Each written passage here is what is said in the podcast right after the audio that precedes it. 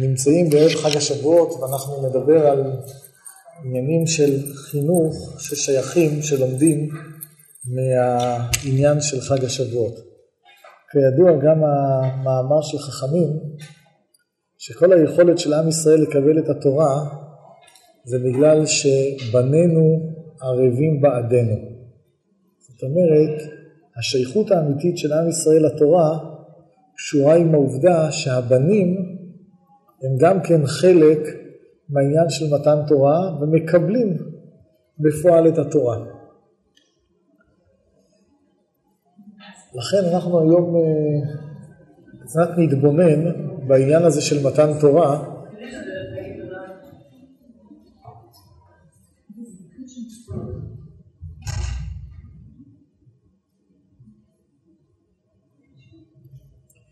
ונלמד מזה לגבי העניינים של חינוך ומשפחה.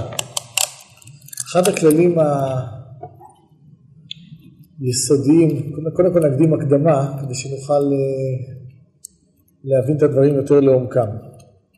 אחד הדברים הכלליים היסודיים שיש בחסידות, שבמציאות, שינוי המציאות יש שני אופנים. יש אופן שהוא נקרא שינוי בצורה של יש מאין. כמו שהבורא ברא את העולם יש מאין, גם אנחנו משנים משהו באופן של יש מאין. מה זאת אומרת?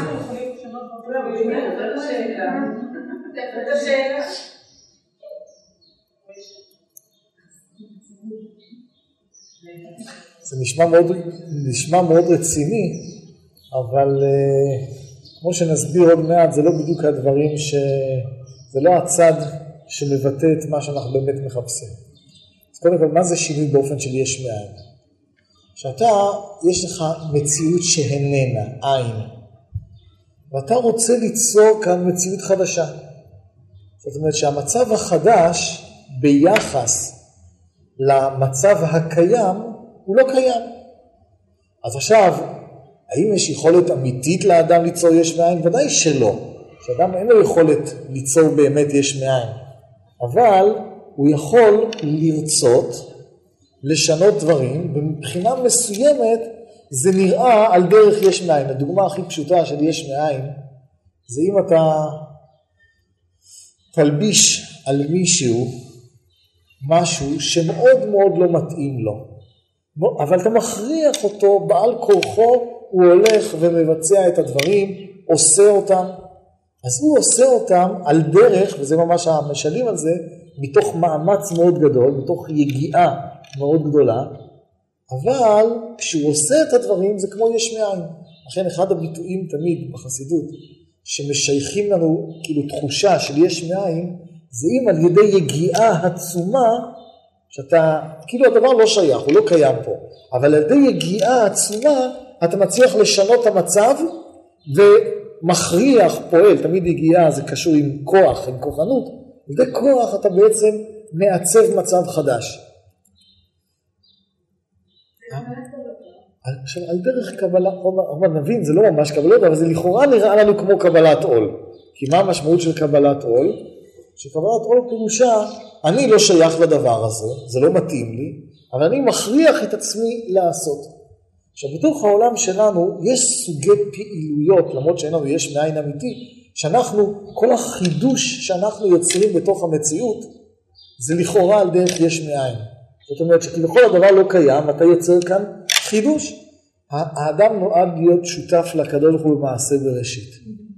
שותף לקדוש ברוך הוא במעשה בראשית, זה שחלק במה מתבטא השותפות, שהוא צריך ליצור חידוש בתוך המציאות. עכשיו, איפה ממש רואים משהו דומה למושג יש מאין בעבודה שלנו?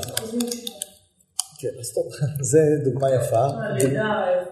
כן, אבל יש מאמר של חכמים שממש מתייחס לרעיון הזה, שהקדוש ברוך הוא ברא את העולם מאין ליש. והתפקיד של היהודי לקחת את היש ולהפוך אותו לעין. עכשיו, מה בעצם פה כתוב? אז אם מי ששם לב, הקדוש ברוך הוא ברא את העולם מאין ליש. מה יש לך כבן אדם? יש. והתפקיד שלך לקחת את היש הזה ולהפוך אותו בחזרה לעין. מה זאת אומרת? עכשיו זה בעצם נראה, זאת אומרת כמו שהקדוש ברוך הוא עשה חידוש מאין ליש, הקדוש ברוך הוא עשה חידוש מאין ליש, ככה גם אנחנו עושים פה חידוש, שאומנם אנחנו מתעסקים עם יש, אבל כשאנחנו מכניסים ליש הזה מימד חדש, מגלים בו את העין שהוא עכשיו לא גלוי בו, שזה משהו שכביכול לא קיים פה בגלוי בתוך המציאות, אז זה על דרך יש מאין. עכשיו זה נקרא, זה עיקר השינוי, זאת אומרת יש כאן שותפות אמיתית של האדם בבריאה, שהאדם יוצר חידוש אמיתי בבריאה. עכשיו, למה החכמים התכוונו פה בדבר הזה? אתה לוקח חומר גלם, עושה ממנו מצווה. אתה לוקח מציאות גשמית, לוקח מציאות גשמית שהיא יש, מציאות מנותקת, ואתה מגלה בה, עושה אותה, מגלה בה את הכוונה האלוקית, את הרצון האלוקי וכך הלאה. אז מה עשית מהעין? עשית מהיש? עין. כאילו, לקחתי חומר גשמי. העליתי אותו, העליתי אותו בחזרה לדרגה... מה? הוא היה יש. הוא היה יש פירושו, בוא ניקח דוגמה. כשהיה לי חומר גלם גשמי, זאת אומרת היה בהמה, הבהמה הזאת מה היא? היא גשמית, היא חומרית. אני לוקח את הבהמה ואני עושה ממנה, עושה ממנה מצווה. לוקח את הבהמה, את האור של הבהמה, עושה ממנה חפץ של תפילין. עכשיו, אבל זה יש לא גשמי, זה משהו חדש. איך חומר, איך דבר ישותי, גשמי, הפך להיות חפץ של קדושה. עכשיו זה, המעבר הזה, המעבר הזה, כן, המעבר הזה שדבר גשמי, כן, הפך להיות קדוש, חפץ של קדושה, זה חידוש, חידוש בתוך המציאות. עין ביחס לחומר, כאילו משהו חדש. עין, היחס של יש מאין זה כוונה, עיקר המושג יש מאין, שבין מצב אחד למצב שני זה חידוש. בניגוד למה שאני אסביר עוד מעט, את, ה, את, ה, את הצד השני של ה... כן, זה לא רק גילוי של המצב הקודם, אלא כאילו זה מצב חדש ביחס למצב הקודם. אז המצב הקודם, כשהקדוש ברוך הוא ברא את העולם, קודם כל היה עין, הוא עשה חידוש, הוא עשה יש. עכשיו, את היש הזה אתה לוקח ואתה מגלה בו מימד חדש. מה? את הממד הרוחני שעכשיו לא קיים פה בפועל. הדוגמה היותר טובה מבחינה מעשית של יש מאין, זה הדוגמה שאמרו פה מקודם. של אה, תשובה. עכשיו, מה העומק של המושג תשובה? למה זה ממש פה רואים את היש מאין? לוקחים עבירה, לוקחים מציאות שהיא שלילית, היא נגד רצון השם. אדם עשה עבירה. עכשיו, כשהוא עשה עבירה הוא נמצא איפה? בתוך הקליפות, בתוך החושך, בתוך מציאות שהיא נגד רצון השם. הוא עושה תשובה. מה קורה, מה, מה קורה שהוא עושה תשובה? הזדונות, שעושה תשובה מאהבה, זדונות הופכים להיות זכויות. מה המשמעות שזדונות הופכים להיות זכויות? שהדבר הרע הפך להיות מצווה.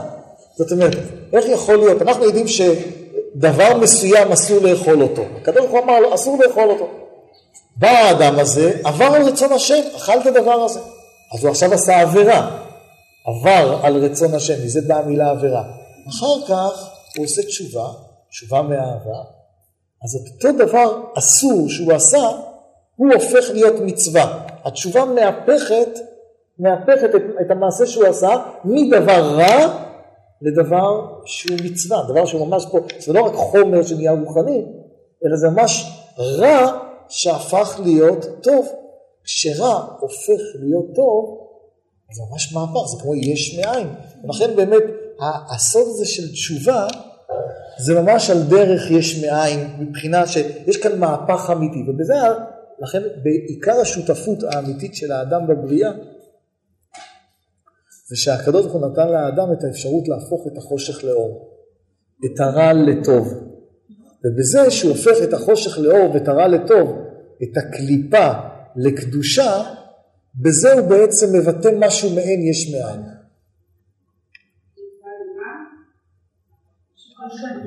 עכשיו, בזה הוא מבטא משהו מעין יש מאין.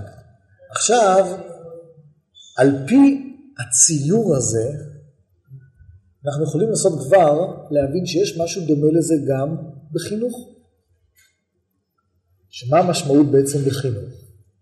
אתה רוצה, רוצה להשפיע, לחנך, לשנות מצב, ש, שמה שאתה רוצה להשפיע ולחנך זה לקחת מציאות קיימת, נגיד ילד עם כישרונות ויכולות מסוימים, ואתה רוצה לגרום לו להיות מה? משהו חדש, משהו אחר, משהו שהוא לא זה. עכשיו פה כבר כשאנחנו שומעים את זה, זה נשמע לנו כבר לא כל כך טוב, נכון? כי מה, אני אשנה את המציאות שלו, אני אהפוך, לו, אני אהפוך אותו לא, אבל לכאורה בעולם הזה של, בעולם, עכשיו למרות שזה נשמע לנו כבר לא טוב, אנחנו מחייכים, יש לנו בעיה חינוכית מאוד קשה כזאת. זאת אומרת, יש לנו בעיה חינוכית מאוד קשה, שלפעמים אנחנו ניגשים אל חינוך מתוך תודעה של יש מאין, מה שעכשיו הסברנו. זאת אומרת שכביכול אתה ניגש למציאות ומנסה ליצור מציאות חדשה שלא מתאימה למציאות הקיימת. עכשיו זה צד אחד, זה כאילו אפשרות אחת, אני רוצה להסביר את הצד השני, ואז נבחן מה, מה מבטא חג השבועות בהקשר של העניין הזה. אז המציאות השנייה זה נקראת בחסידות לא יש מאין אלא העלם וגילוי. העלם וגילוי. מה ההבדל בין העלם לגילוי ליש מאין? עכשיו, זה לא רק קיים בפוטנציאל, זה קיים. זאת אומרת, ההיעלם, ההיעלם הוא קיים בהיעלם. הוא רק, הוא רק מה? הוא רק נעלם. ומה התפקיד של העשייה? מה?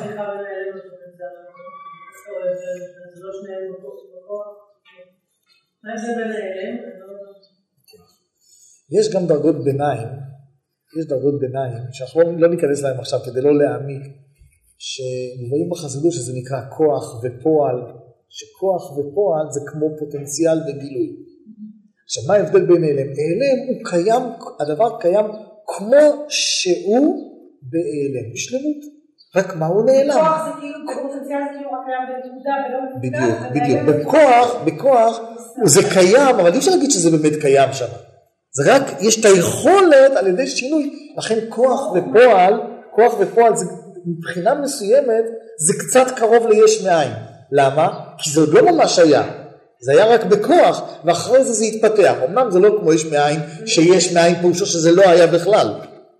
כן? ובכוח זה עוד היה, לכן זה מצבי ביניים. ואנחנו כרגע לוקחים את שני הקצוות. מצד אחד יש מאין, שזה ממש כאילו חידוש במציאות שלא היה לפני זה. אפילו, לא אפילו לא בהלם. לא, ודאי שאם זה היה בהלם אז זה לא חידוש. זה לא חידוש. והעלם וגילוי, המשמעות של זה, שזה היה בשלמות, אבל בהיעלם, ואחר כך זה מתגלה. מה שהיה בהיעלם מתגלה אחר כך בגילוי. בגישה שנייה? כן, זה גישה שנייה בכלל במציאות, ואומרת, כמו שאני אסביר כרגע, זה, זה, זה, זה, זה אחד מהדרכים שאנחנו צריכים להתייחס אליהם, להתייחס אליהם, כמובן אנחנו נסביר בעזרת השם גם גוונים, ואולי גם מצבי ביניים, כמה שיספיק לנו הזמן, אבל קודם כל נבין את, ה, את ההסתכלות השנייה, אבל למה זה קשור לחג השבועות? מה, במה זה מתבטא העניין הזה של העלם וגילוי בחג השבועות? מבחינה מסוימת, אם אנחנו מסתכלים מה שמבואר בחסידות על מתן תורה. התורה ניתנה לעם ישראל למטה, פה בעולם התחתון, בחג השבועות, בשנת בית אלפים וכולי, לא זוכר בדיוק את השנה, שבה ניתנה התורה בעולם. האם התורה הייתה לפני זה? כן, זאת אומרת, בזה שאחרים אמרו לנו שהתורה, שהתורה הייתה לפניכם, זאת אומרת שהתורה לא, זה לא נוצר חידוש, זה לא כמו בריאת העולם. העולם נברא, איך העולם יש נברא? מאין. יש מאין. בראשית ברא אלוקים את השמיים ואת הארץ, בראשית ברא, מה זה ברא? ברא זה יש מאין. זאת אומרת, בעולם, העולם באמת נברא באופן כזה שלפני זה היה אפס עולם. ואחר כך נוצר חידוש יש מאין, שאיתו הבורא ברא, על ידי החידוש הזה הוא ברא את העולם. אבל התורה קדמה לעולם, היא תמיד הייתה, ואהיה אצלו שעשועים. מה זה אהיה אצלו שהתורה הייתה אצל הקדוש הוא תמיד, היא לא חידוש אצלו, היא תמיד הייתה אצלו. התורה היא, עכשיו מה גם שהיא תמיד הייתה אצלו? שהיא חלק מעצמותו. זאת אומרת, זאת אומרת שזה חלק ממנו. כמו שהוא תמיד היה, גם התורה שהיא חלק ממנו, היא תמיד הייתה, היא קדומה כמוהו. זאת אומרת שמתי אנחנו אומרים יש מאין, שהדבר לא היה? זאת אומרת שבמקור זה אפס, ועושים חידוש. העולם לא היה אצל הבורא, הקדוש ברוך הוא לא אמרו, וזה חס וחלילה לחשוב ככה, שהעולם קדום אצל הבורא. חס וחלילה, זה בדיוק הפוך. זאת אומרת, העולם במהותו, כל, זה אחד מיסודות האמונה. יש על זה דיונים, הרמב"ם דן על זה במורה נבוכים, אם אפשר להגיד שהעולם קדמון, או היה קדמון, הרי הפילוסופים היוונים טענו שהעולם קדמון, אבל אחד מעיקרי האמונה, זה ממש מהיסודות של האמונה, שהעולם לא היה, אלא הוא חידוש יש מאין. זה ממש מהיסודות הכי בסיסיים שהעולם לא היה. בניגוד לזה התורה, אנחנו מסתכלים עליה בדיוק הפוך, שהתורה תמיד הייתה אצל הקדוש ברוך הוא כי היא חלק ממנו, היא, היא חלק מעצמותו וכמו שהוא תמיד היה, ככה גם התורה הייתה תמיד. ממילא מה זה בעצם נתינת תורה לעולם? מה זה בעצם? זאת אומרת שכל המהות של נתינת תורה זה בסך הכל גילוי מה שתמיד היה בגלוי פה בתוך העולם. זה לא חידוש. התורה זה לא חידוש, אמנם כשזה מתגלה בעולם, זה חידוש בעולם. זאת אומרת, העולם לא הכיר את זה לפני זה, זה בכלל לא היה שייך לפני זה בתוך העולם. אבל זה לא חידוש מצד התורה. זאת אומרת, מצד התורה זה תמיד היה, מצד חוכמתו ורצונו יתברך זה תמיד היה, וזה התגלה רק בפועל בתוך המציאות. עכשיו, מעין הרעיון הזה של, של התורה, עוד מעט נדבר לחינוך, מיד נתייחס לחינוך, אבל מעין הרעיון הזה, בעצם חכמים מלמדים אותנו לגבי כל מה שקורה במתן, כל מה שקורה, כל חג שבועות, או כל העיסוק שלנו בתורה, מאז מתן תורה. כולל כל הגילויים שיהיו לעתיד.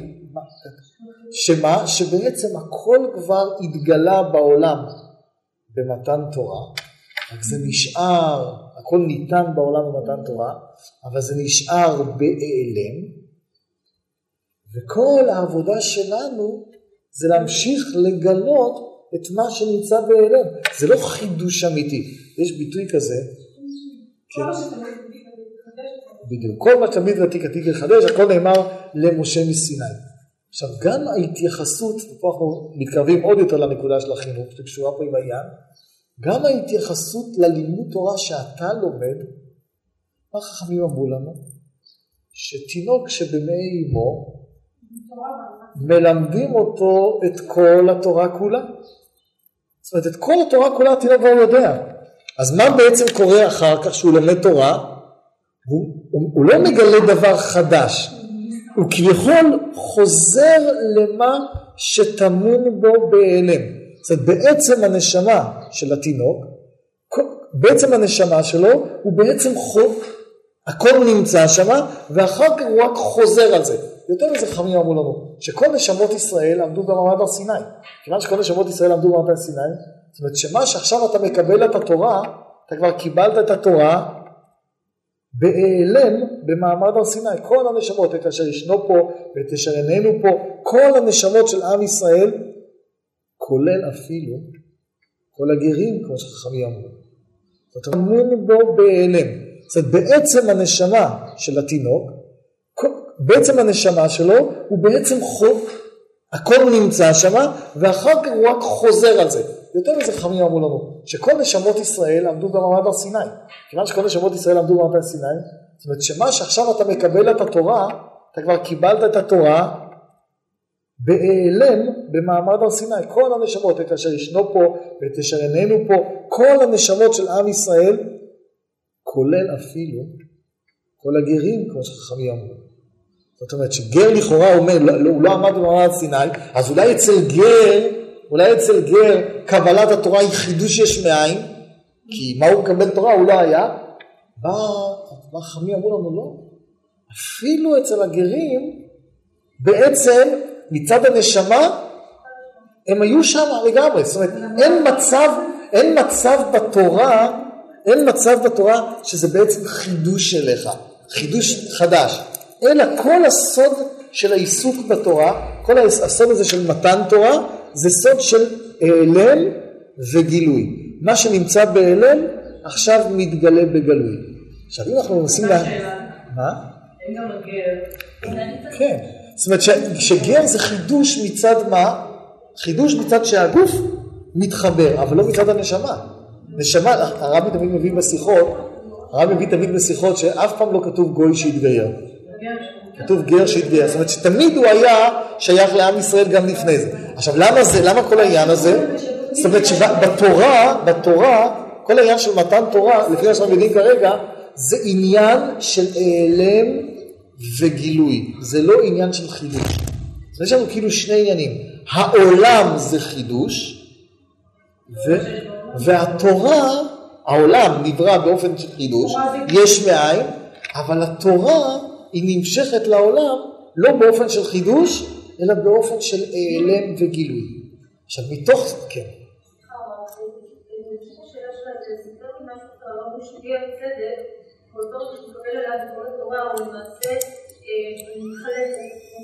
הוא מתחדש, או שיותר נכון, נמצא בנייה חדשה. מצד, מצד, מצד הגוף, מצד העולם. הגוף שייך לעולם, מצד העולם. הגוף שייך לעולם, אז מצד העולם זה כך. לא, לא, הנשמה היא נשמה שתמיד הייתה נשמה יהודית. זה בעצם המהות. עכשיו, כל ההסתכלות, עכשיו, יותר, יותר מזה חכמים אמרו לנו שכל עם ישראל, חכמים גילו לנו שכל עם ישראל במעמד הר סיני היה בהם צד כמו גרות. לכן הם מלו וטבלו, כל עם ישראל במעמד הר סיני.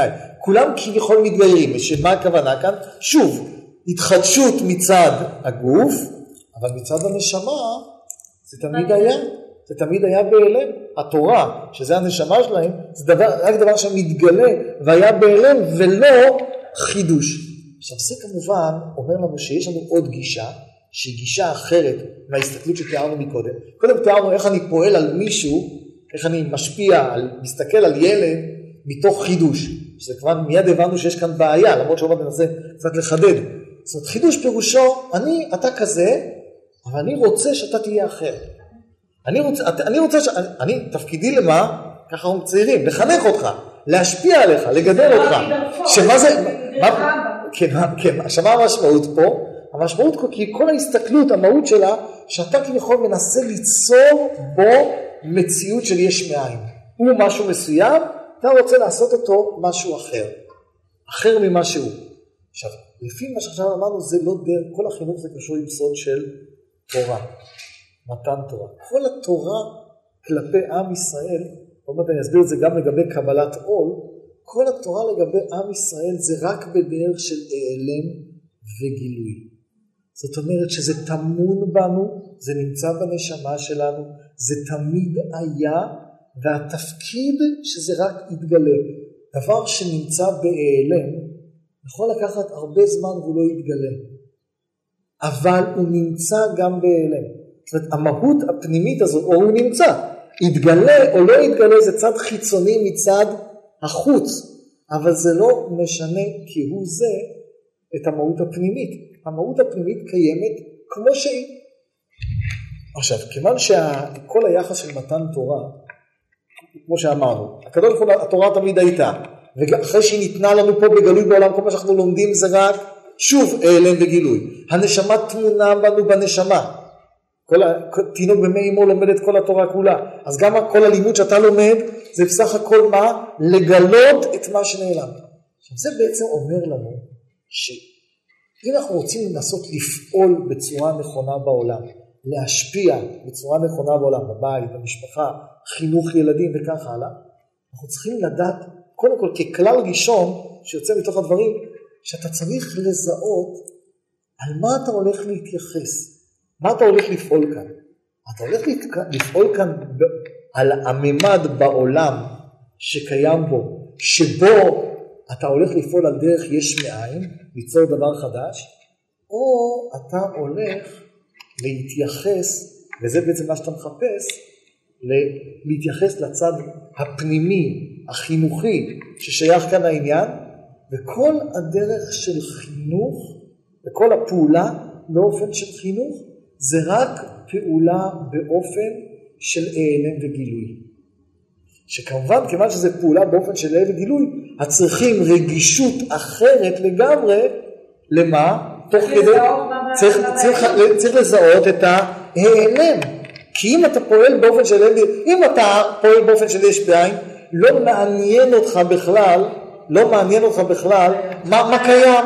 מעניין אותך מה היעד שלך, מה המטרה שלך. מה שאתה רוצה, זה מה שמעניין אותך. לא מעניין אותך מה קיים.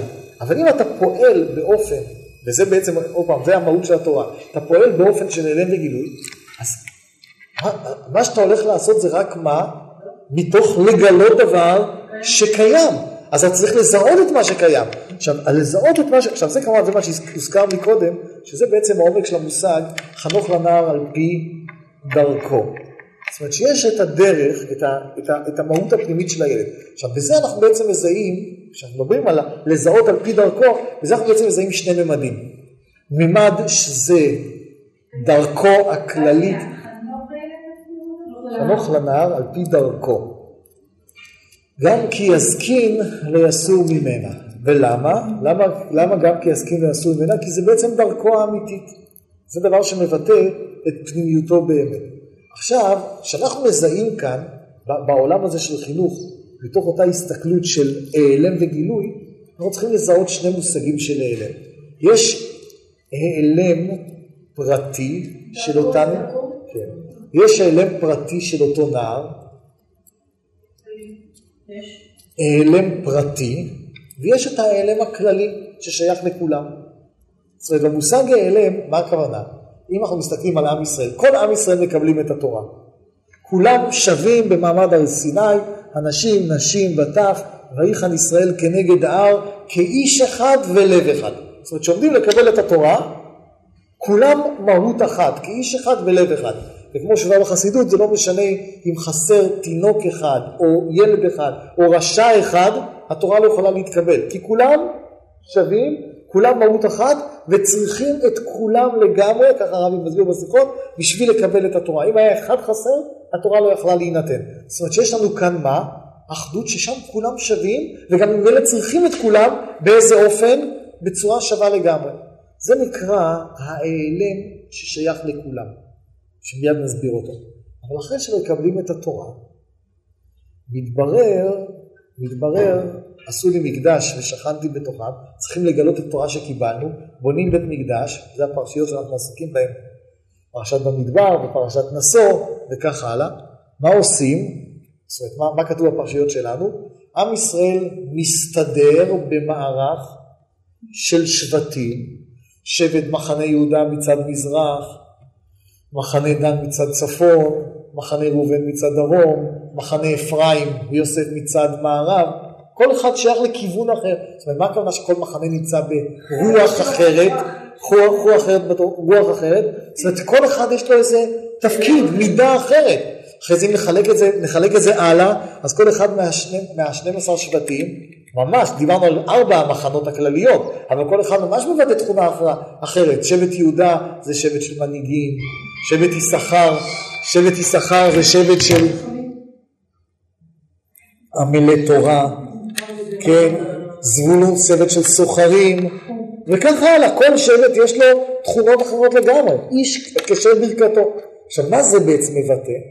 זה מבטא העלם פרטי. זאת אומרת, יש העלם כללי, כולם אותו דבר, ויש העלם פרטי. עכשיו, כשאתה מתייחס להעלם ולגילוי, אתה חייב לזהות, וזה מה שחשוב, בדרך כלל אנחנו בעולם של חינוך אנחנו מסתכלים בצורה פשוטה, וזה כבר מאוד פשוט בעולם של החינוך היום, זאת אומרת, לא פשוט לבצע את זה, אבל לפחות זה פשוט שמדובר על זה, שצריכים לזהות את התכונות, את הנטיות, את היכולות, את מה שטמון בהיעלם בתוך המחונך, ולגלות את זה, לא לחנך אותו מה שלא מתאים לו. כי אם תחנך אותו מה שלא מתאים לו, אז בסופו של דבר, וכאן מדובר כמובן על אותו חינוך פרטי, זאת אומרת אם הוא מתאים לו מאוד מאוד להיות אה, סוחר כמו שבט זבולון, הוא חייב להיות בתנועה, הוא חייב ללכת ממקום למקום, כן, כל הזמן, לכן התכונה העיקרית של שבט זבולון זה התכונה של ההליכה, ללכת ממקום למקום, זה הכוח המיוחד שלהם. והוא שהוא צריך ללכת ממקום למקום, אתה תשים אותו במקום אחד ותגיד לו שאתה לא יכול לנוע, אלא כל תפקידך זה לעסוק במשהו אחד, אז זה לא יתאים למה? לכוחותיו הפרטיים וזה יזיק לו. אז אתה חייב לזהות את תכונתו הפרטית, וזה זה דבר פשוט. להסתכל לאותו העלם ועל פיו להתייחס, על פיו לגלות. שם נדבר קצת איך מגלים מתוך אותה התייחסות. אבל, וזה חלק בלתי נפרד מזה, זה שאתה אנחנו, וזה ודאי אחד מהעיקרים בכל העולם של החינוך, אנחנו צריכים להאמין ולדעת שכל הדברים הטובים שאתה רוצה לחנך הם בעצם טמונים תורה ומצוות ו, והנהגות נכונות בעולם ובכלל הגשמה עצמית וכל המעלות שמעבר לתכונות הפרטיות, כל הטוב הפנימי שאתה רוצה לחשוף בתוך המחונך, הכל כבר טמון בו כחלק מהכלל. זאת אומרת, אין דבר שלא טמון בתוכו. זה כאילו, כל, כל התפקיד שלך, אם זה לא היה טמון בתוכו, אז עדיף שלא תחשוף את זה. עדיף שלא, שלא תנסה לעשות, שלא תחפש את זה. עדיף שלא, עדיף שלא תפעיל אותו. למה? כי, כי מה בעצם המשמעות? שאתה מלביש עליו משהו זר לו, משהו שלא מתאים לו. כיוון שאתה מלביש עליו משהו שלא מתאים לו, אז, אז זה נגד כל העבודה האמיתית שלך. כל העבודה האמיתית שלך זה לעזור לו, וזה כמובן מה שיוצא מתוך מה שהסברנו לגבי המושג של העלם וגילוי, שבעצם כל העבודה האמיתית של המחנך, כל העבודה האמיתית של הורה, זה לגלות, זה לא ליצור דבר חדש. זאת אומרת, אם אנחנו רק ננסה לצייר, ממש זה הסתכלות מאוד פשוטה. כשהורה מסתכל, הורה או מחנך, מסתכל על התינוק בבית, זה יכול להיות, מה אני אעשה איתו? מה, למה אני אוביל אותו? למה אני ארגיל אותו? למה אני... זאת אומרת, מה, מה ההסתכלות הזאת? ההסתכלות הזאת כמובן הסתכלות שבמהותה היא מוטעית לגמרי. כי מה בעצם אתה מסתכל עליו? אתה מסתכל עליו כאילו יש, שתפקידך לעשות ממנו איזה משהו אחר. אתה כאילו, כן? אתה תפקידך לעשות ממנו איזה משהו אחר. אתה כאילו ניגש אליו מתוך... עכשיו כמובן יש משהו מאוד עמוק בהסתכלות הזאת, שמי שישים לב, שבהסתכלות הזאת אין כבוד אמיתי לילד של יש מאין. אין בכלל כבוד לזה, למה? כי אני לא מכבד, אני לא מכבד את המציאות שלך, אלא, של הילד, כל ענייני מה, כל, כל התפקיד שלי, זה מה אני, לפי מה שאני חושב שראוי להיות, לפי מה שמתאים לי, לפי מה שאני חולם, לפי מה שאני משער, מה התפקיד שלי לעשות ממך. זאת אומרת, אני לוקח, אתה כמו חומר גלם, שתפקידי לשנות אותך למשהו אחר.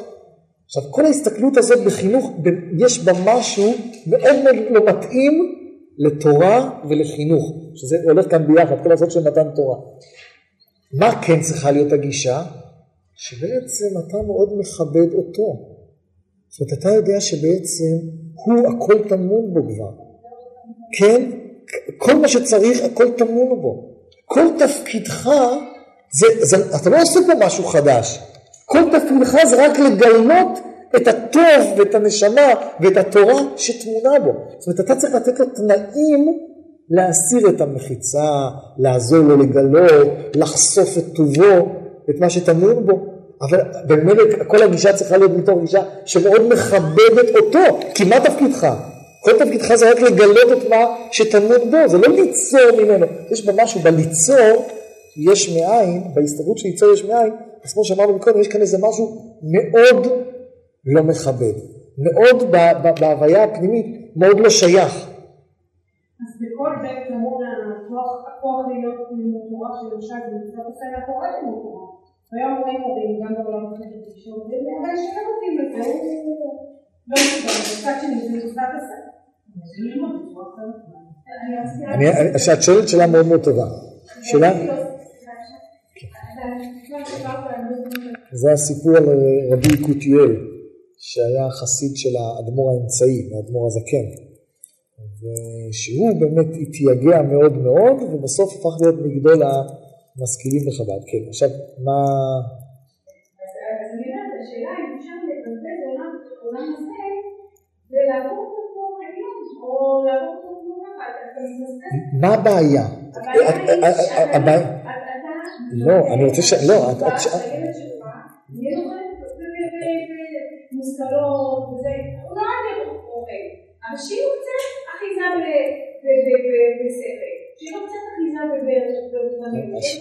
לא, לא, לא, אני רוצה שתבין, שימו לב טוב.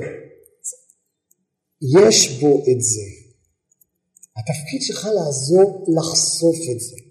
אם זה לא היה טמון בו, גם על ידי יגיעה הוא לא יכול להגיע לזה. כל, כל, כל נקודה כאן שזה טמון בו. זאת אומרת, התפקיד שלך כן לעזור לו לחשוף מההיעלם, את מה שנמצא בהיעלם, את כל מה שטמון בו. מה שטמון בנו בהיעלם זה הרבה מעבר למה שאנחנו משערים. כל, החל, כל מה שאנחנו משערים בגלוי זה קצת ביחס למה שבאמת טמון לנו בהיעלם. אז התפקיד שלנו פה זה לא להגיד, הוא לא, אם הוא לא שייך ללימוד, אז אני עכשיו אכריח אותו ללמוד. אין כזה דבר ש, שאני אכריח אותו ללמוד אם הוא לא שייך ללימוד. להאמין שזה אחד שייך. וממילא את, הרמת, את רמת השייכות שלו, את רמת השייכות שלו, את הפוטנציאל שטמון בו, אני צריך לגלות מאותו העלם אל הגילוי. עכשיו פה אני רוצה, זה, זה כמובן מתנגש, נוקש למה שאמרו פה מקודם, אני ארצה לחדד את זה קצת, קצת יותר בהרחבה. האם המשמעות כאן שכל יהודי שייך ללימוד תורה? כן. אין יהודי שלא שייך ללימוד תורה? אין יהודי, זאת אומרת, לכן ושיננתם לבניך, בדיוק, זה מצוות עשה, ושיננתם לבניך, כל יהודי צריך בגיל חמש ללמוד במקרא, ובגיל עשר משנה, ובגיל חמש עשרה תלמוד, כן? עד גיל עשרים, כל, כל אחד צריך ללמוד. אף אחד, אין כזה דבר שאחד לא צריך ללמוד. עכשיו, למרות שכל אחד צריך ללמוד, זה לא אומר שלטווח ארוך בהמשך חייו, זה יעסוק, אחד יהיה שבט יששכר, שיעסוק כל חייו בלימוד ובעיון, ואחד יהיה סוחר. אז הסוחר, הסוחר, זה לא אומר שהוא, שהוא לא שייך ללימוד תורה, אבל ודאי שמה שמתאים לו בנפש זה מה? תנועה, תנועת שההליכה, ואחד ששייך יותר ללמוד תורה, אז בהמשך הוא צריך ללמוד תורה. עכשיו, עכשיו פה, ופה זה עיקר הנקודה, כשאנחנו מסתכלים על ההתחלה, השייכות לתורה היא שייכת לכולם. רק מה, אנחנו צריכים להתחשב, להתחשב בתכונות ש... שיסייעו לו ללמוד ולפתח את מה שבאמת מעניין אותו, כאילו את היכולת של ללמוד, ו... זאת אומרת, וכיוון שכל אחד התכונות שלו שונות, אנחנו צריכים לעזור לו לפתח, לא צריכים לוותר על הלימוד של אף אחד. כן, לא צריכים להגיד, אוקיי, הוא לא שייך ללמוד, אז בגיל חמש, להכניס אותו למקרא, אני אכניס אותו עכשיו לסנדלריה. זה לא ודאי, זה לא התפקיד. אבל עם כל זה, בהחלט יכול להיות שכיוון שיש לו תכונות בסיסיות, שהשייכות תלמוד זה לא לטווח ארוך, אז צריכים לדעת להתחשב גם בעובדה שהוא בעצם סוחר בעצם, כן, שהוא במהות לא יותר סוחר, אז איך התורה שלו, אם תדע להתחשב בזה שהוא סוחר בעצם, אז הוא יהיה שייך גם לתורה. אם לא תדע להתחשב בזה שהוא סוחר בעצם, אז, אז מה יקרה? את התורה, את התורה הוא ידחה לגמרי. כיוון, כן, את התורה הוא ידחה לגמרי, כי אתה לא מתחשב בו באותה תכונה פנימית אמיתית שלו. אז ודאי שכולם שייכים, ואף אחד אי אפשר לוותר על הלימוד של אף אחד, כי זה חלק מהמהות הרוחנית שלנו, כולם שייכים לרוחניות, כולם שייכים לפנימיות, כולם עומדים במעמד הר סיני. כל, כל אחד יש לו עוד בתורה, אבל בהחלט העוד בתורה הוא שונה.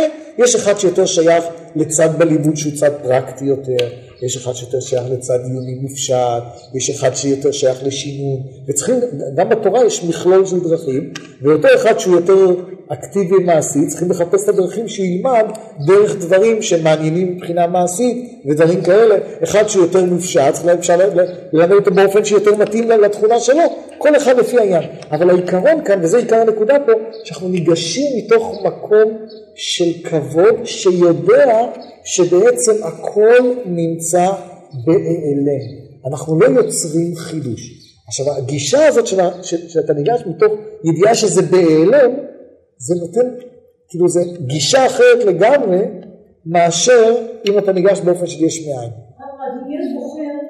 אני לא רוצה, אני רוצה רוצה רוצה שאת תורה וללמוד ומצוות והכל, אני רוצה משהו אחר, ללכת לאוניברסיטה, ללמוד זה, אני לא אותי. בסדר, זה בהלם זה זה בי. אני מאמין, זה זה, אני רוצה דרך אחרת, אולי זה דברים. אז מה השאלה? אז השאלה מה, השאלה תפקידי כאימא מה, מה לעשות? לכבד אותו בדרך של מה? טוב, עכשיו אתה בוחר, זה לא דרכו זה בוחר, לא, שנייה, עכשיו אתה בוחר בית ספר אחר, אני מכבדת אותך, עכשיו אני בתור אימא מנסה איכשהו קודם כל, אני, קודם, כל, לא, קודם כל, ודאי, להחזיר חזרה לדרך. אוקיי, הבנתי. קודם כל ודאי, קודם כל ודאי, שאנחנו לא מפסיקים לכבד. למה? כי, כי מה המשמעות, מה המשמעות, ש... מה כרגע קרה? אם, מה, מה זה להפסיק לכבד? להפסיק לכבד פירושו שהוא עכשיו נהיה אצלי בתודעה אפס. למה? למה הוא נהיה אפס בתודעה? בגלל שהוא, אני רציתי שהוא יהיה משהו מסוים, וזה לא נוצר, אז הוא נשאר מה? האפס שלפני מה שרציתי ליצור. זאת אומרת, כי כל התודעה של יש מאין, כל מה שהסברנו קודם יש מאין, פירושו במהות, שאני רוצה לעשות דבר חדש, ובלי הדבר, בלי מה שאני אעשה ממנו, או מה שיהיה ממנו, אז בעצם הוא כלום. לכן אני רוצה לעשות אותו משהו. ואז, כמו שאמרתי קודם, אין בזה גישה של כבוד, אז גם כרגע, אז פתאום נוצר אותה אכזבה. שמה זאת האכזבה? אם אני לא הצלחתי ליצור ממנו את מה, מהעין הזה, את היש שרציתי, אז הוא נשאר לי עין, והוא נשאר, נשאר עין, זו אותה תחושה של חוסר כבוד אמיתי, שלגביי כאילו לא קיים, זה נקרא עין. כי- ואז מבחינה מסוימת, וזו בעיה חינוכית מאוד מאוד קשה, שהוא כאילו נמחק בתודעה של ההורים. הוא כביכול, מה הכוונה? הוא כאילו, יותר מזה, הם יכולים להרגיש, בגלל האכזבה העמוקה ממנו, שיש כאלה, יש, יש מצב כזה שלא קיים, זה בעיה אחת, ויש בעיה שקיים שלילית, זאת אומרת זה קיים שעוד מנגד לתודעה שלהם. אז מילא כל, כל ההסתכלות הזאת, זה, היא ודאי לא נכונה, כי אתה לא, אתה לא הלכת לגלות יש מאין, נכון? כמו שאנחנו מסבירים. כל תפקידך היה לגלות את מה שיש בו. עכשיו אם ככה, אם ככה, אז בוא, אז, אז אני ממשיך לכבד אותו. ממשיך לכבד אותו. למה? כי הוא קיים, הכל טמון בו. עכשיו, בכל אופן, זה לא מתגלה. כי אני, כל התפקיד שלי היה, התפקיד שלי היה לגלות את מה שטמון בו, ועכשיו מה שטמון בו זה בהיעלם. מה... גילינו איתי. לא משנה, גילינו מעט, עכשיו זה מסתתר שוב, כן? אבל אז כל המעלות, כל הטוב, כל השלמות, כל הערך העמוק והפנימי שטמון בו, הכל נשאר בהיעלם. כשרואים מציאות, כשרואים מציאות, שבמהות שלה, מסתכלים ככה על זה, שבמהות הזה קיים, וזה לא מתגלה, מה היחס העיקרי שצריך להיות על כזה דבר? רח- רחמים. המילה רחמים זה המילה המדויקת. ולמה, מה ההגדרה של רחמים? שרחמים פירושו שאתה חווה רוממות, אתה רואה שיש כאן משהו, אבל בפועל זה לא מתגלה. זאת אומרת, זה בעצם עיקר ההגדרה של רחמים. זאת אומרת, רחמים בניגוד לשלילה, לדחייה, שדחייה פירושו שזה לא קיים פה. רחמים אומרים... מה? לא, אני אסביר את מה שאמרתי, כדי שנבין את זה יותר טוב. כן, עיקר הרחמים, למשל איפה מוזכר בתניא, איפה מוזכר בתניא העניין הזה של רחמים, מי שזוכר, זאת אומרת, זה מוזכר הרבה פעמים, כמה מקומות, איך עובדים את הקדוש ברוך הוא ברחמים, אבל איפה מוזכר בתניא רחמים על מישהו שהוא לא בסדר. זה נמצא בפרק ל"ב, בפרק. בפרק של אהבת ישראל. מה אומר שם האדמו"ר הזקן?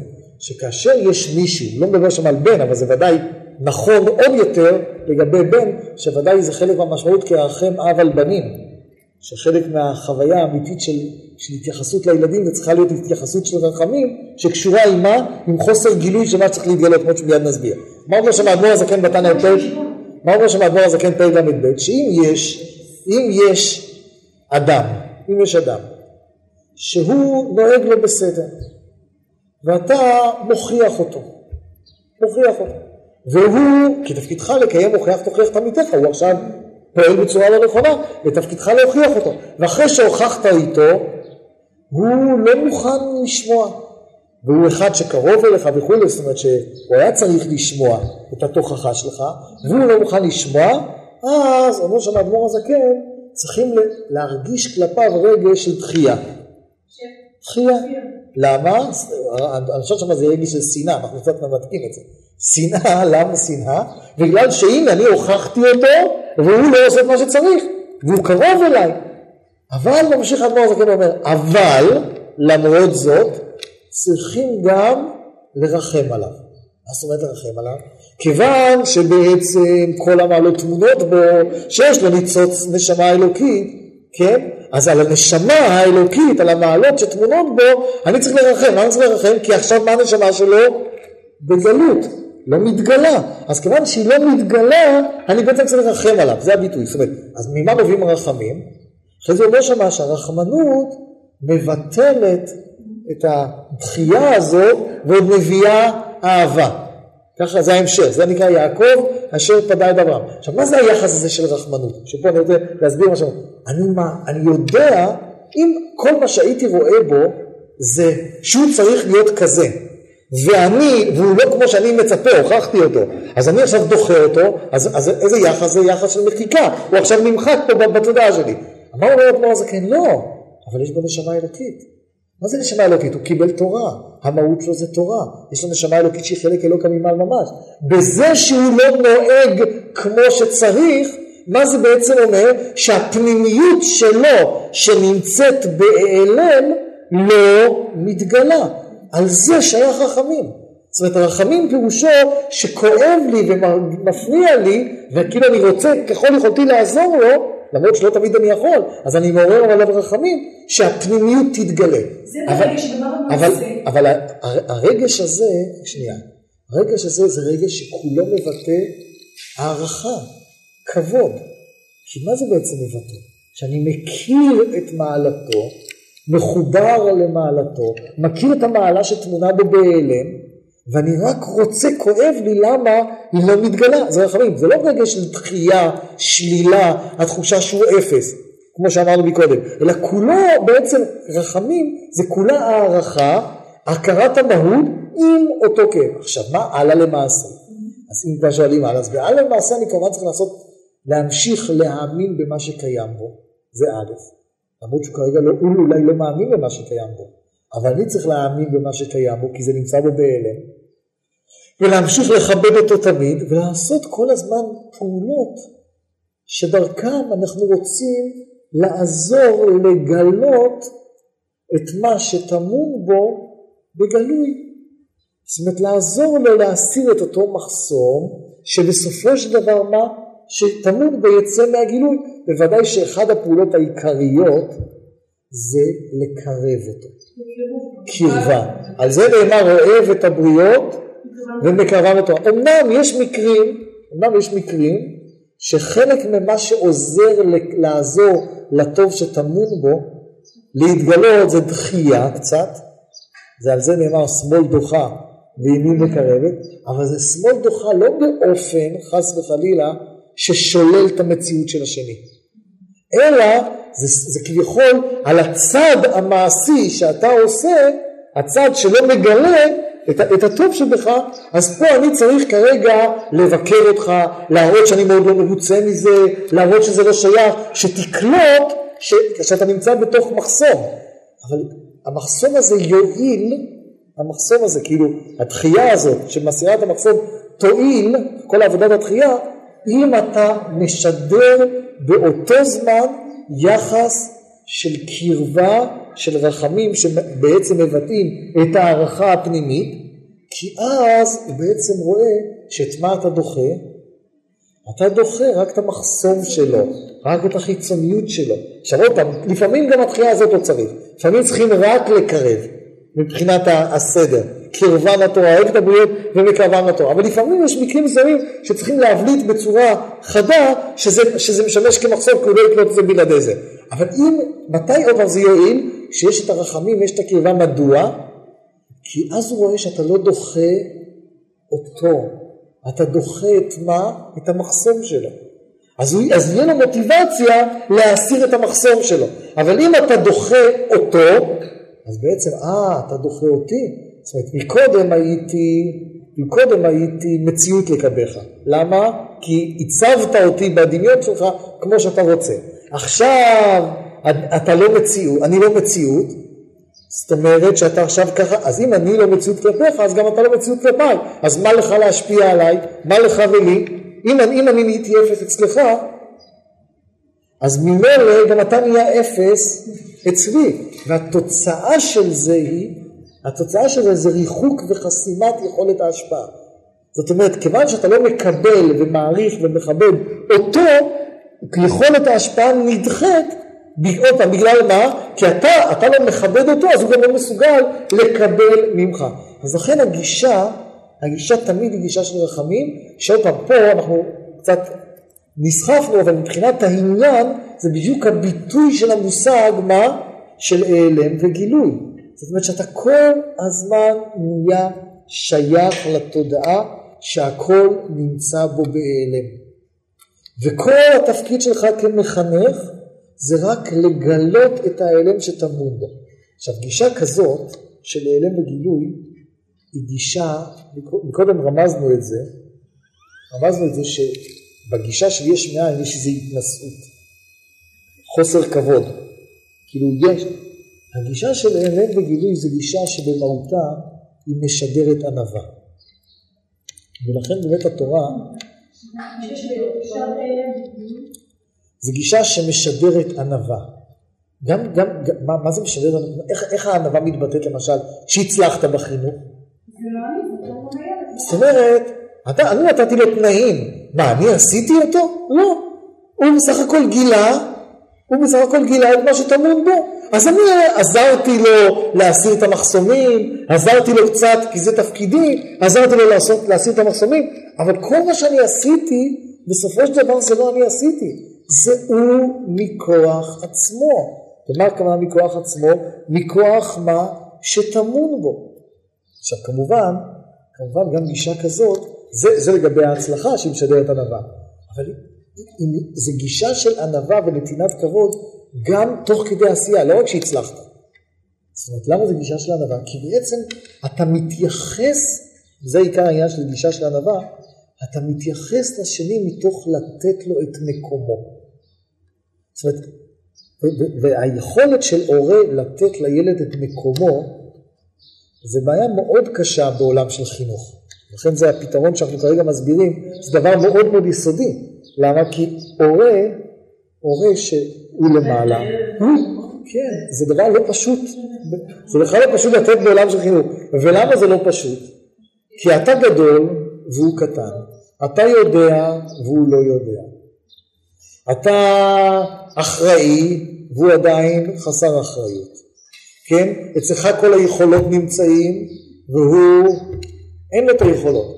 אז כיוון שכל כל, כל היחסי גומלין הכי פשוטים האלה בין הורה לילד בעצם מבטאים שמה? שעליונות, עליונות עליו כביכול, והעליונות עליו כמובן מתבטאת בזה שכביכול הוא תלוי בך ואתה יודע והוא לא וכך הלאה. עכשיו כל הגישה הזאת במהות שלה, מה, מה, זה טוב או לא טוב הגישה הזאת? אז כאן, מה חסר פה בגישה הזאת, באותה גישה של עליונות? חסר פה בעצם הילד באיזה מקום, הילד באיזה מקום שהוא בגיל שנתיים ושלוש וארבע, הוא עוד, אה, עוד, עוד הוא, לא, הוא לא מסוגל להגיד גם אני קיים. השאלה היא, כן, כן? או שהוא יגיד שהוא קיים, הוא יגיד שהוא קיים, אבל אתה תוכל עם פליק קטן להסביר לו שהוא לא קיים. כי היכולות שלו עדיין חלשים. כשהוא יגיע לגיל שמונה וגיל עשר, אז כבר היכולות שלך, כשהוא יצעק שהוא קיים, תלוי. כשהוא יצעק שהוא קיים, אז היכולות התגובה להסביר לו שהוא לא קיים, הם יהיו יותר קטנים, וכמה שננסה להסביר לו יותר שהוא לא קיים, הוא יתמרד יותר לצעוק שהוא קיים. ומה הסיבה? כי אף אחד בפנימיות שלו לא יכול לעשות דברים בגלל שהשני רוצה שהוא יעשה וזה לא מתאים לו.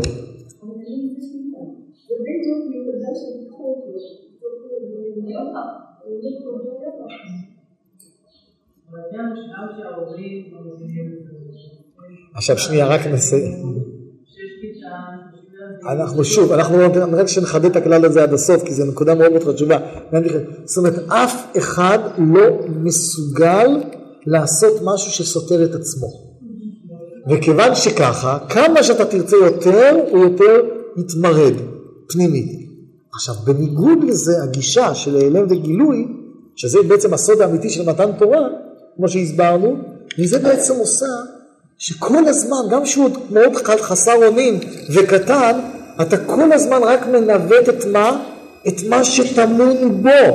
זאת אומרת, אתה עוזר לו לגלות את מה שטמון בו. אז אף פעם זה לא מה? אף פעם זה לא אתה מולו. זה תמיד, אתה יוצר לו את הרקע לבטא את עצמו. עכשיו, כמה שהוא גדול יותר, הוא מסוגל יותר לנווט את עצמו. עכשיו, כיוון שאתה מחנך, ואתה הורה שנותן לו את הסביבה המתאימה, אז אתה תעזור לו לגלות את מה? את הטוב שטמון בו. כי אתה יודע ואתה מבין, אז אתה תעזור לו לגלות את הטוב שטמון בו, ולא, ולא, כן, ולא תחס... ו... עכשיו, ממילא אין שום סיבה שהוא יהיה נגדך, אין שום סיבה שהוא יתמרד לך.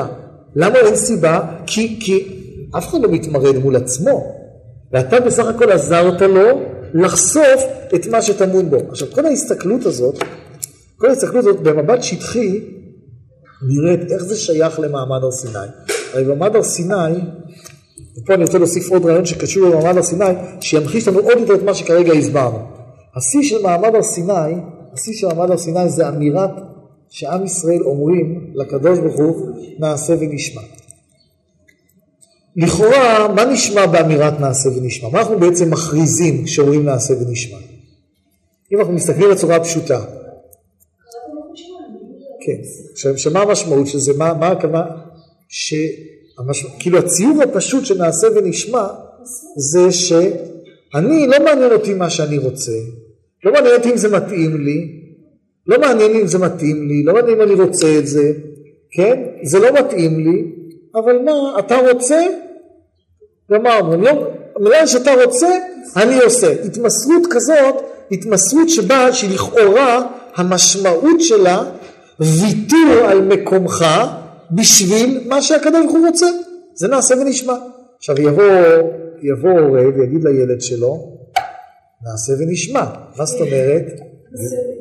מה המשמעות של נעשה ונשמע? כן? ומבחינה פנימית זה העומק של החינוך. צייתנות מוחלטת, שמה הגדרתה? לא משנה מה אתה חושב, לא משנה מה אתה רוצה, כן? כל זה זה לא משנה כלל וכלל. כל מה שמשנה זה מה? זה מה שמצפים ממך או פוקדים עליך או רוצים ממך, וזה מה שצריך לעשות. ככה הקדוש ברוך הוא עשה לנו. ככה הקדוש ברוך הוא עשה לנו. ככה אנחנו יכולים לעשות לכאורה, עכשיו מי ששם לב, נעשה ונשמע זה לכאורה סותר לנו את המושג של ההלם והגילוי. לכן בא, באים במאמרי החסידות ומסבירים דבר מאוד מעניין. מסבירים שכל המושג של נעשה ונשמע נובע מתוך מה שהסברנו מקודם על העלם וגילוי. מה זאת אומרת? זאת אומרת, מה זה בעצם אומר? כשכל מה שהסברנו עכשיו על נעשה ונשמע, הסיבה האמיתית של זה, זה נובע ממה שהסברנו מקודם על העלם וגילוי. מה זאת אומרת? שכל המושג קבלת עול, כל המושג, כמו הביטוי קבלת עול, קבלת עול מלכות שמיים, זה הנעשה ונשמע, כל המושג קבלת עול היא נובעת בגלל שעם ישראל בפנימיותם רוצים את הדבר. מה זאת אומרת? שלמה עם ישראל, זה, זה הלשון שחכמים השתמשו בו, אחרי שעם ישראל אמרו נעשה ונשמע, מי גילה רע זה לבניי? מי גילה להם את הסוד הזה? כן? את הסוד הזה למי? לבנים שלי. מה? הלשון שחכמים השתמשו אחרי שעם ישראל אמרו נעשה ונשמע, שהקדוש הוא אמר על זה, מי גילה רע זה, מי גילה את הסוד הזה, את האפשרות להגיד נעשה ונשמע לבנים שלי. מי גילה להם את הסוד הזה? זאת אומרת שיש כאן איזה גילוי של סוד מאוד גדול, שטמון בעניין שנעשה ונשמע. מה בעצם הסוד כאן? מה בעצם הסוד שטמון בנעשה ונשמע? כל המושג, נחזור קצת למושג, מאיפה באה קבלת עול? אז בחסידות מבואר, שעוד פעם, קבלת עול זה בדיוק הנעשה ונשמע. שבעצם קבלת עול, עיקר ההגדרה שלה, זה לא שאתה עושה דבר שלא טמון בך בהיעלם, אלא זה כיוון שמה שטמון בך בהיעלם, כרגע יש לו מחסומים והוא לא מתגלה, אתה, אתה פועל כביכול בכוח נגד המחסום כדי לחשוף את מה שנמצא בהיעלם. זה בעצם קבלת עול.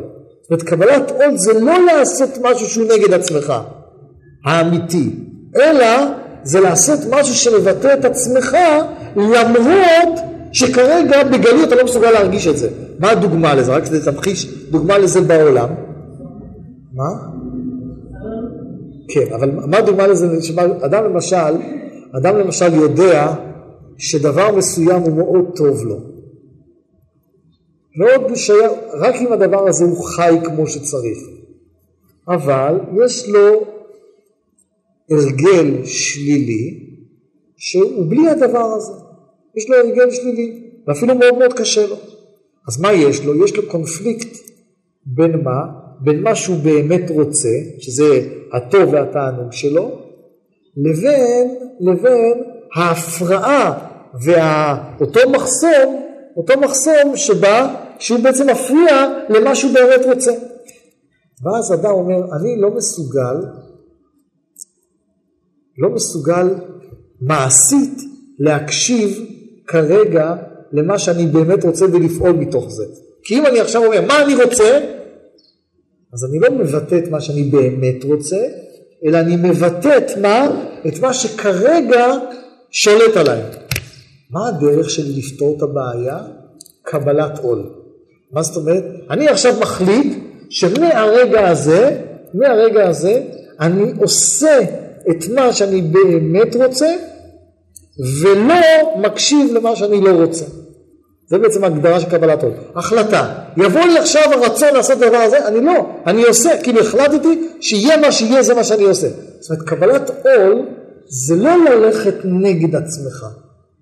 קבלת עול פירושה מאמץ לעבור את המחסום שיבטא את עצמך באמת, וככה זה מוסבר בחסידות, שכל השורש של קבלת עול נובע מהתענוג הפנימי של הנפש, מהטוב של הקדוש ברוך הוא. רק התענוג הזה לא מתגלה, אז לכן אני צריך כרגע בפועל לעשות קבלת עול, כי הפנים לא מתגלה.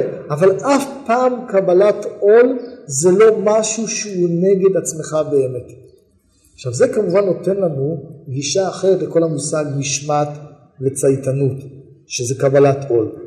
שבעצם המשמעת פירושה שרק אתה מכתיב עשייה כביכול בכוח, רק כאשר זה מבטא, רק כאשר זה מבטא את מה שבאמת טמון בפנים, רק כרגע זה לא מסוגל להתגלות. זאת אומרת העשייה, לא שמעתי מה שאמרת. אני אומר, המושג האמיתי של משמעת וקבלת עול או צייתנות, פירושו שאתה מכתיב קבלה, אתה מכתיב, ככה עושים, מכתיב את זה, אבל רק מתוך מה? רק דבר שבעצם מתאים מבחינה פנימית, מבחינה פנימית, והמשמעות של זה שהוא באמת רוצה את זה, ואז כשהוא באמת רוצה את זה, כשהוא באמת רוצה את זה, אז אפשר להכתיב את זה באופן של משמעת. אבל אם אין את התחושה שבאמת רוצים, לפחות בהיעלם, אז זה, זה, לא קיים, או כי זה לא קיים אצלו בכלל, כל משמעת וכל קבלת עול בסופו של דבר היא תזיק. זאת אומרת אין קבלת עול, זה, זה הרמז של מי גילה רע זה לבניי. הבנים שלי ידעו לזהות את מה שהם באמת רוצים, למרות שבגלוי לא רואים את זה, מה הם באמת רצו? את התורה, לכן הם אמרו נעשה ונשמע. למה? כי זה באמת טמון בהם. הנעשה ונשמע של עם ישראל כי התורה תמונה בהם. למה האומות לא אמרו נעשה ונשמע? כי זה לא נמצא בפנימיות שלהם. כיוון שזה נמצא בפנימיות שלהם, אז לכן הם לא אמרו נעשה ונשמע. כי מה שנמצא, כי כל אמירת נעשה ונשמע זה בעצם הקשבה למה שנמצא בפנימיות.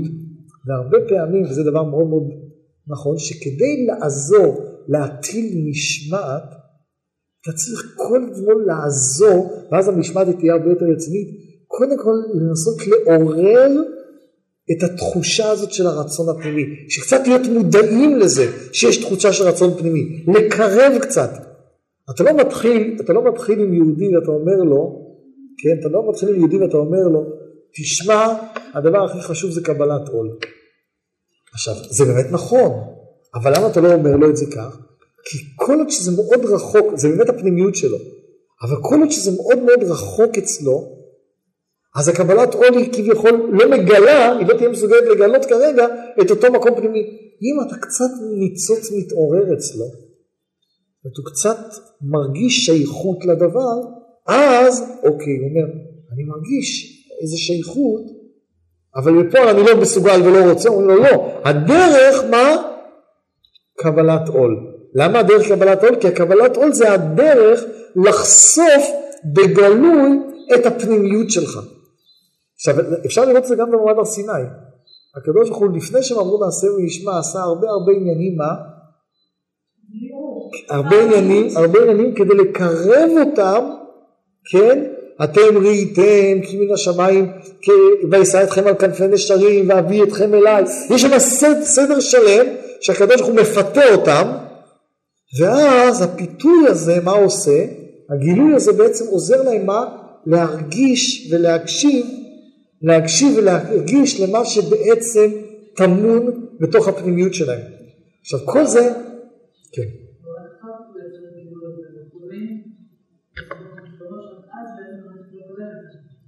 בצורה יותר שלמה, נכון. אז אני... כן.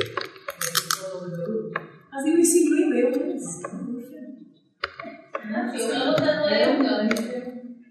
עכשיו,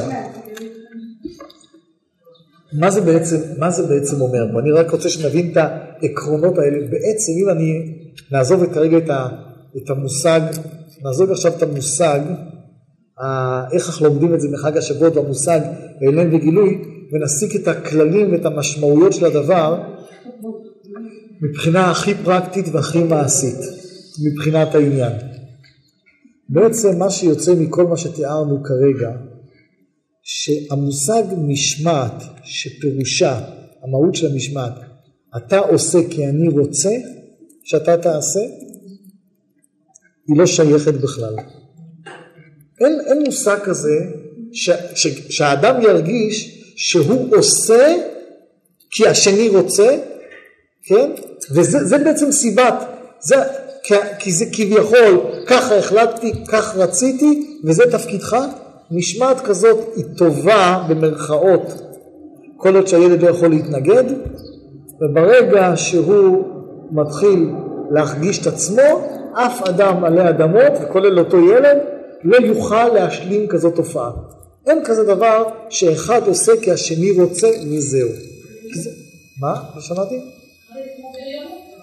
כן. עכשיו, למרות שזה נכון, וזה מה שאמרנו מקודם, לכאורה כשהילד הוא חלש וקטן, ובצדק, ואתה כביכול יודע מה טוב, אז אתה מנצל בצורה, פעם זה תפקידך לכאורה, את, את הכוח ואת היכולות שלך להכתיב לו. גישה כזאת היא גישה שבמהותה היא לא טובה. כי במהותה היא לא עוזרת לילד, היא לא מכבדת את הילד לעשות את מה? לבטא את מה שטמון בו. עכשיו כל התפיסה החינוכית צריכה להיות, כל התפיסה החינוכית צריכה להיות מתוך קודם כל א', ידיעה, אמונה, שהילד זה מהות בפני עצמו. וכל מה שתפקידך לחנך זה רק לגלות, מאלם אל הגילוי. הכל בעצם טמון בו. זאת אומרת היסוד זה כבוד מאוד מאוד גדול. לפני המשמעת, לפני הטלת המשמעת, זה קודם כל נתינת מקום. אין, כאילו, מה שתיארתי מקודם, זה כביכול משמעת בלי נתינת מקום. כי אני מעליך ואתה מתחתיי ואני אכתיב לך. אז לכן זה, זה, לא, זה לא עובד וגם זה לא יעבוד. זאת אומרת, יש משהו בסיסי שזה לא יכול להתמיד, כי זה לא משמעת אמיתית, לא ככה הקדוש ברוך הוא פועל איתנו, לכן ככה, ככה אנחנו גם לא יכולים לפעול אפילו עם הילדים הקטנים. עכשיו, הדבר השני, אחרי שיש לנו את אותה נתינת כבוד אמיתי, וכל המושג נתינת כבוד, המהות האמיתית שלה זה האמונה והידיעה שכל הטוב שאתה רוצה לחנך טמון בו. הכל נמצא בו. יש מאין זה רק בענייני העולם, זה גישה בענייני העולם. בעניין, לכן אמרנו, בענייני העולם, במציאות של העולם, יש לנו משהו שדומה ליש מאין, וכולל דוגמה, חלק מהעניין הזה, הדוגמה של תשובה, שזה כביכול, אם היית רע, אז אתה תוכל להפוך מהרע יש מאין לטוב, לא שבפנים שלך היה רע, אלא אותו רע חיצוני, אתה תוכל להפך אותו לטוב, אבל זה בעניינים של העולם, זה לא בעניינים הפנימיים, זאת אומרת... כן, להאמין שבאלה יש את הלימוד, את כל הטוב, הכל טמון בתוך הילד. ברגע שמבקשים, מכבדים ילד, מבקשים לו שוויון, וגם אם רואים שכרגע הוא לא רוצה את זה, זה יש מאין, לא, לא, אנחנו לא, נכון, אנחנו מאמינים שזה... לכן אמרנו שעיקר החינוך, זה מה שהתחלנו את הדברים, שיש מציאות בעולם שנקראת יש מאין, אבל עיקר העבודה של חינוך זה אלם וגילוי, זה לא יש מאין. זה עיקר העבודה של חינוך. אנחנו יכולים להתווכח ולהמשיך עכשיו שאנחנו עושים פה גילוי.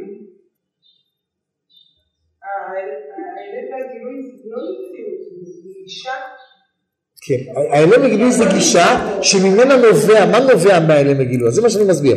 נובע א', כבוד גדול אליו, הערכה. ב', ב', זו הנקודה, שכשאני רוצה ותפקידי לחנך אותו ולהשפיע עליו, אז מה בעצם תפקידי? לעזור לו לגלות את מה שטמון בו. אז לכן אמרנו, אני צריך להיות רגיש למעלות הפרטיות שיש בו, התכונות שיש בו.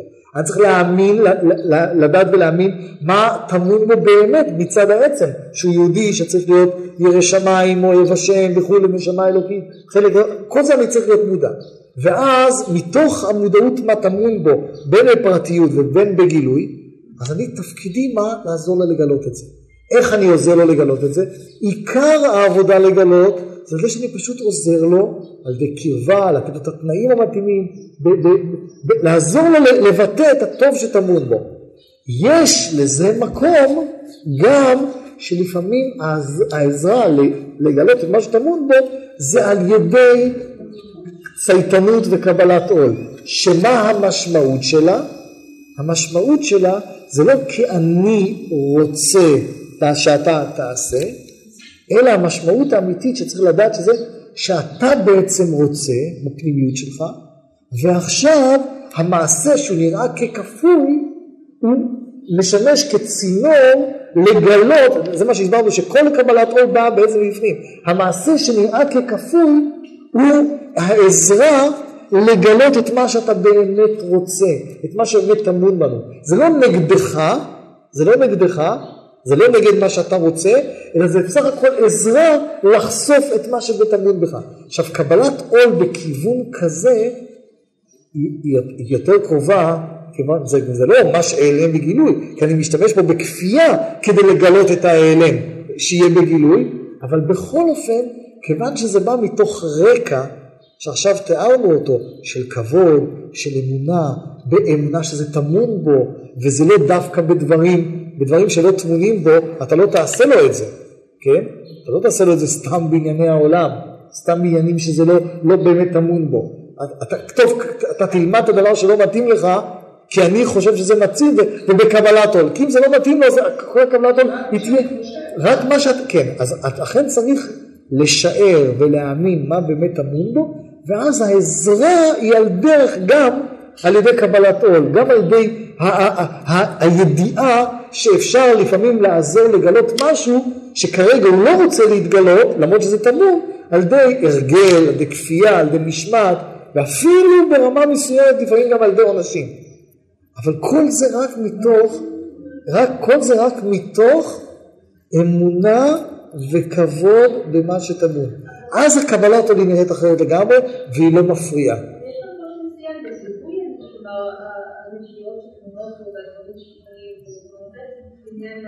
עכשיו זה, הכל...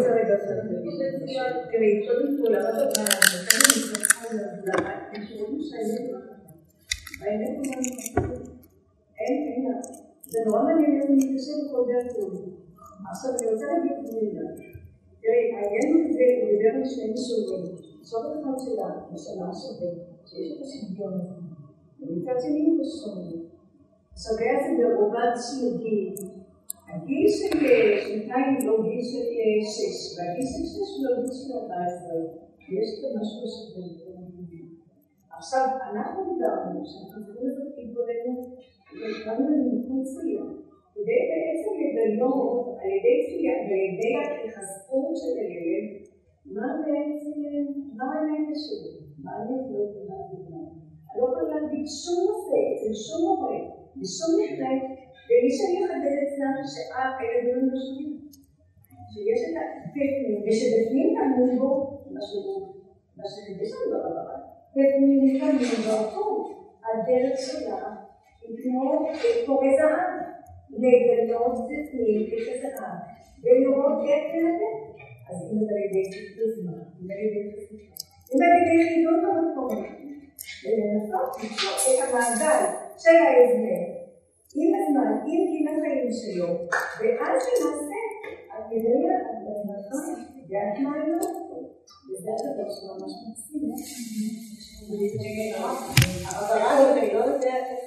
את מקסים.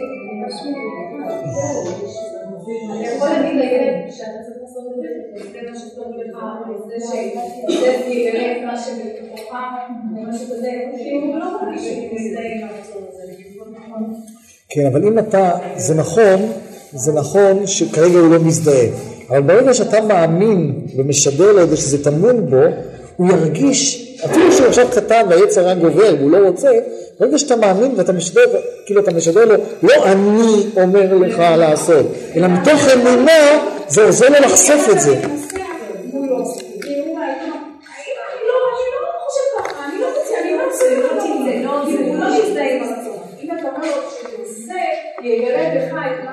אתה, צריך לשדר, כן עכשיו אתה לא מרגיש אבל זה באמת הטובה שלך, זה באמת אתה, זה באמת מה ש...